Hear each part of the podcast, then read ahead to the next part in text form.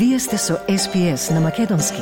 Слушнете повеќе прилози на sps.com.au козацрта на Седонин.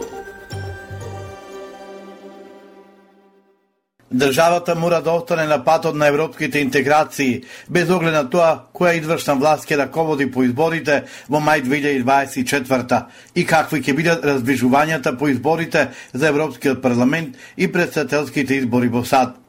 Евентуалното забавување или запирање на европските интеграции нема да се одрази добро врз ниту една сфера од обштественото живење, почнувајќи од економијата, па се до меѓуетничките односи.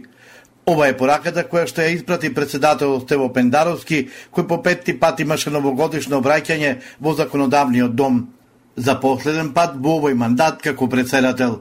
Последните одлуки на Европскиот совет, според председателот, за жал го потврдија песимистичкото сценарио за Западен Балкан, кое некои дипломатски кругови го најавуваат почетокот на војната во Украина.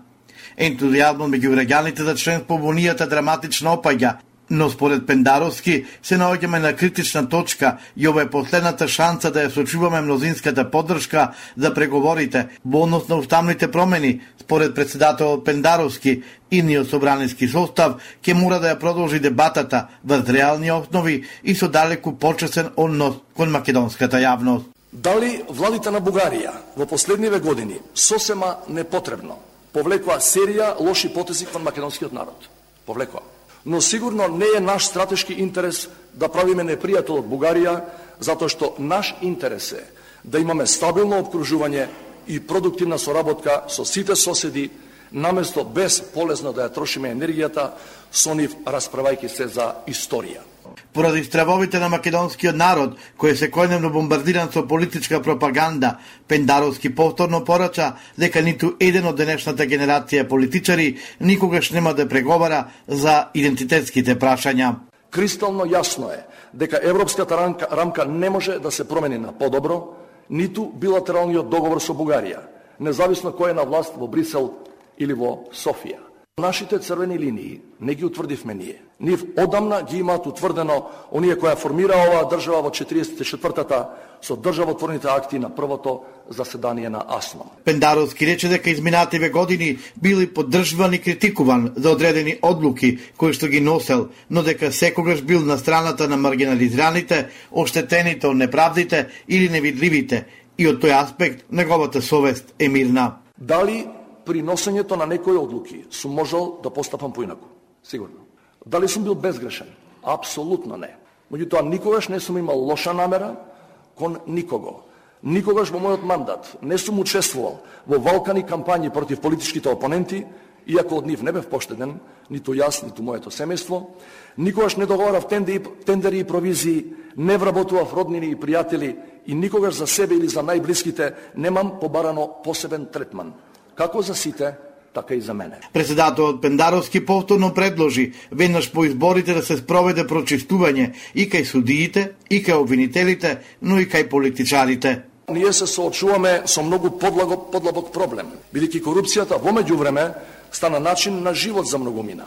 Или како што неодамна ја опише еден странски амбасадор, станува збор за менталитет на луѓето кои мора да се менува. Тука сакам на следниот парламент да му го порачам она што веќе го имам јавно предложено неколку пати. Веднаш по изборите да спроведеме прочистување и кај судиите, и кај обвинителите, но прво кај нас, политичарите. И за секого, за кого нема логично образложение, како со државна плата станал милионер, треба веднаш да следи не само оставка, туку кривична постапка. Говорот на Пендаровски во собранието го следеа пратениците, дипломатскиот кор, како и поранешните председатели Бранко Црвенковски и Ѓорѓе Иванов. Реакциите на пратениците и пратеничките групи по редовното годишно обраќање на председателот Стево Пендаровски во собранието се чини беа очекувани и од јавноста. Во Собранискиот пресцентар во изјавите за медиумите, се изредија сите пратенички групи. Поред Антонио Милошовски од ВМРО ДПМН, Пендаровски во својот говор не кажал ништо, а тоа имало цел додворување за СДСМ повторно да го кандидира за престојните председателски избори. Ова беше едно празно обраќање, полно со флоскули, наменето претежно за СДСМ, каде што ќе одлучуваат дали Пендаровски повторно ќе биде или нема да биде кандидат за председател следната година. Се согласуваме само со еден факт во обраќањето на Пендаровски, а тоа е дека е ова неговото последно обраќање во собранието на Република Македонија. Пратениците од СДСМ со пофални зборови за неговото обраќање. Мартин Ковтовски од оваа партија рече дека тој имаше значајни пораки за тоа дека државата мора да го продолжи патот кон ЕУ. Социјалдемократскиот сојуз на Македонија го поздравува фактот што председателот Пендаровски цврсто стои на ставот дека државата мора да обстои на европскиот пат и на прозападната ориентација. Затоа што тоа е нашата единствена алтернатива. Членството во Европската Унија значи подобар стандард за сите граѓани. Со сите теми кои ги отпори Пендаровски во својот говор се согласуваме, рече Арбер Адеми од ДУИ. Тоа што треба да се истакне и во оваа прилика се две прашања, одржување на добри меѓуетнички односи и одржување на европскиот курс на државата, се уствари се тие теми за кои се залага Демократската унија за интеграција од своето формирање па денеска. Фадил Зендели од Беса рече дека во обраќањето на Пендаровски имало само констатации кои веќе биле познати. Една изјава две интерпретации. Лидерите на опозицијата и на власта, Мицковски и Ковачевски, од различен агол гледа на изјавата на шефитата на бугарската дипломатија Марија Габриел дека уставните измени не се единствениот услов на батот кон ЕУ. Лидерот на опозицијата Христијан Мицковски оцени дека Марија Габриел, која е следниот протидачки премиер на Бугарија, им ја кажала вистината на македонските власти. Премиерот Димитар Кубачевски во изјава за новинарите се повика на заклучоците од Советот за обшти работи, кој се одржа минатата недела во Брисел. Таа не кажа дека има нови услови. Ние имаме многу јасна преговарачка рамка, која што преговарачка рамка има обврски за Европската Унија и се разбира за Северна Македонија. Ние во Брисел на последниот самит на Западен Балкан со Европска Унија и на последниот Европски совет имавме најјасен заклучок до сега од отпочнувањето на од добивањето на кандидатскиот статус со Европската Унија, каде што уште еднаш ќе повторам во параграфот стоеше, Република Северна Македонија успешно го заврши скрининг процесот.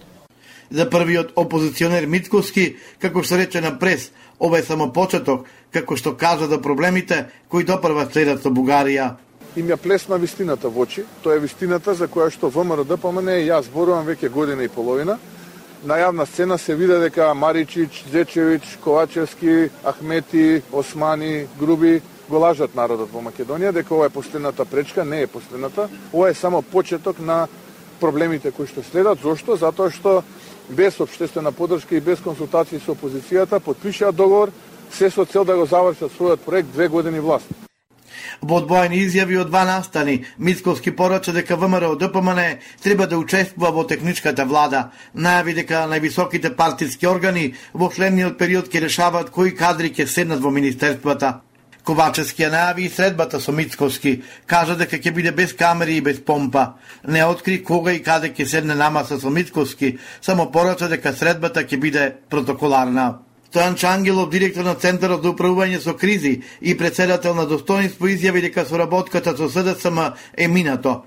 На новинарско прашање за идна соработка со СДСМ, Ангелов не го криеше незадоволството од власта, а особено се оспарна на црната листа и извештајот од Европската комисија.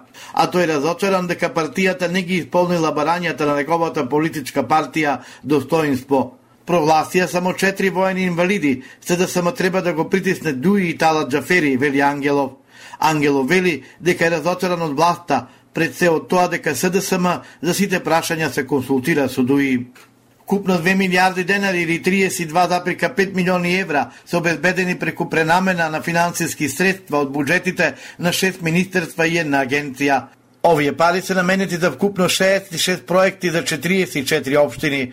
Се работи за проекти за реконструкција на улици и локални патишта, изградба и реконструкција на училишта и на градинки, здравствени установи, спортски сали, домови за култура, пречистителни станици и други проекти во најголем дел од државата беше речено на настанот на кој се подпишаа договорите за буџетска поддршка кон општините. Председател на владата Димитар Ковачевски и министерот за правда Кренар Лога поделија изводи на лица кои досега не се евидентирани во матичната книга на родени, пренесе ТВ24. Овие наши граѓани немаат документи за идентификација, не може да се лекуваат, ниту да се вработат, не може да склучат брак, ниту пак да го регулираат статусот на нивните деца, едноставно да ги немаше во системот на државата. Нула неидентирани лица. Прво место во Европа и второ во светот, кој го решаваме проблемот со невидентираните. Овие лица повеќе нема да бидат маргинализирани, дискриминирани. Досека извршен упис во матичната книга на родените на 409 лица, а останатите 117 ќе бидат пишани до крајот на годината. Сакате ли да чуете повеќе прилози како овој? Слушате подкаст преку Apple Podcasts, Google Podcasts, Spotify или од каде и да ги добивате вашите подкасти.